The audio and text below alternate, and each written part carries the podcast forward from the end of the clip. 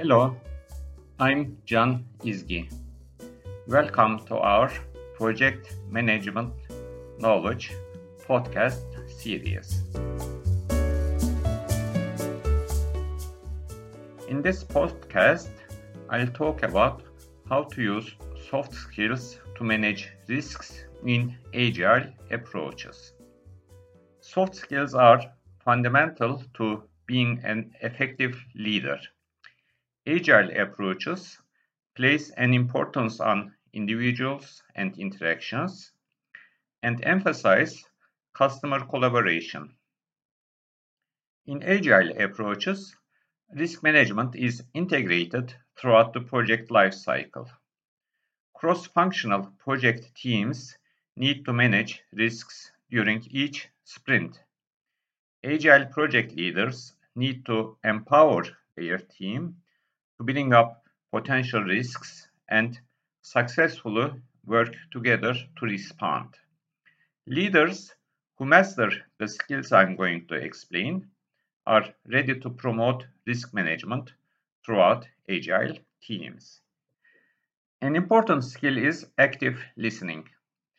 Active listening empowers team members to share key risk information and updates that could impact each sprint.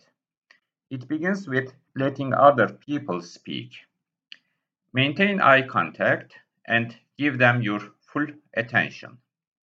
Repeat shortly what you heard to assure them you understand.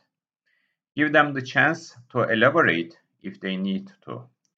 Show an affinity for their viewpoint and suspend any judgment. The Scrum Master is a servant leader, but servant leadership is not unique to Agile. However, it's particularly valuable in Agile environments with high levels of uncertainty where creative collaboration drives solutions. Servant leaders step in to help teams deliver value faster. They focus on the team, not a clear line of succession or roles. They promote an environment where individual team members are all invested in the process of risk management. Emotional intelligence is another important skill.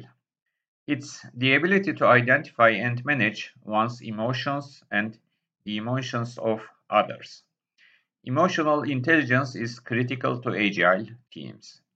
Show empathy, acknowledging knowledge gaps, and fostering an environment devoid of judgment and finger pointing when risks are brought up. Agile projects depend on tight collaboration and communication among team members and across teams. Agile project leaders must be bridge builders.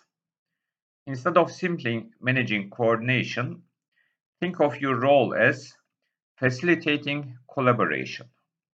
You can help foster collaboration through interactive meetings, informal dialogues, knowledge sharing, and team games. Finally, the last thing I want to mention is delegation. Agile leaders empower team members to take ownership and make their own decisions. Simply put, trust your team to get the job done. Don't overburden the team with demands for detailed documentation or frequent status reports at every turn. This is all I want to say. If you'd like to learn more about project management, you can attend our related courses. Please contact me at can.izgi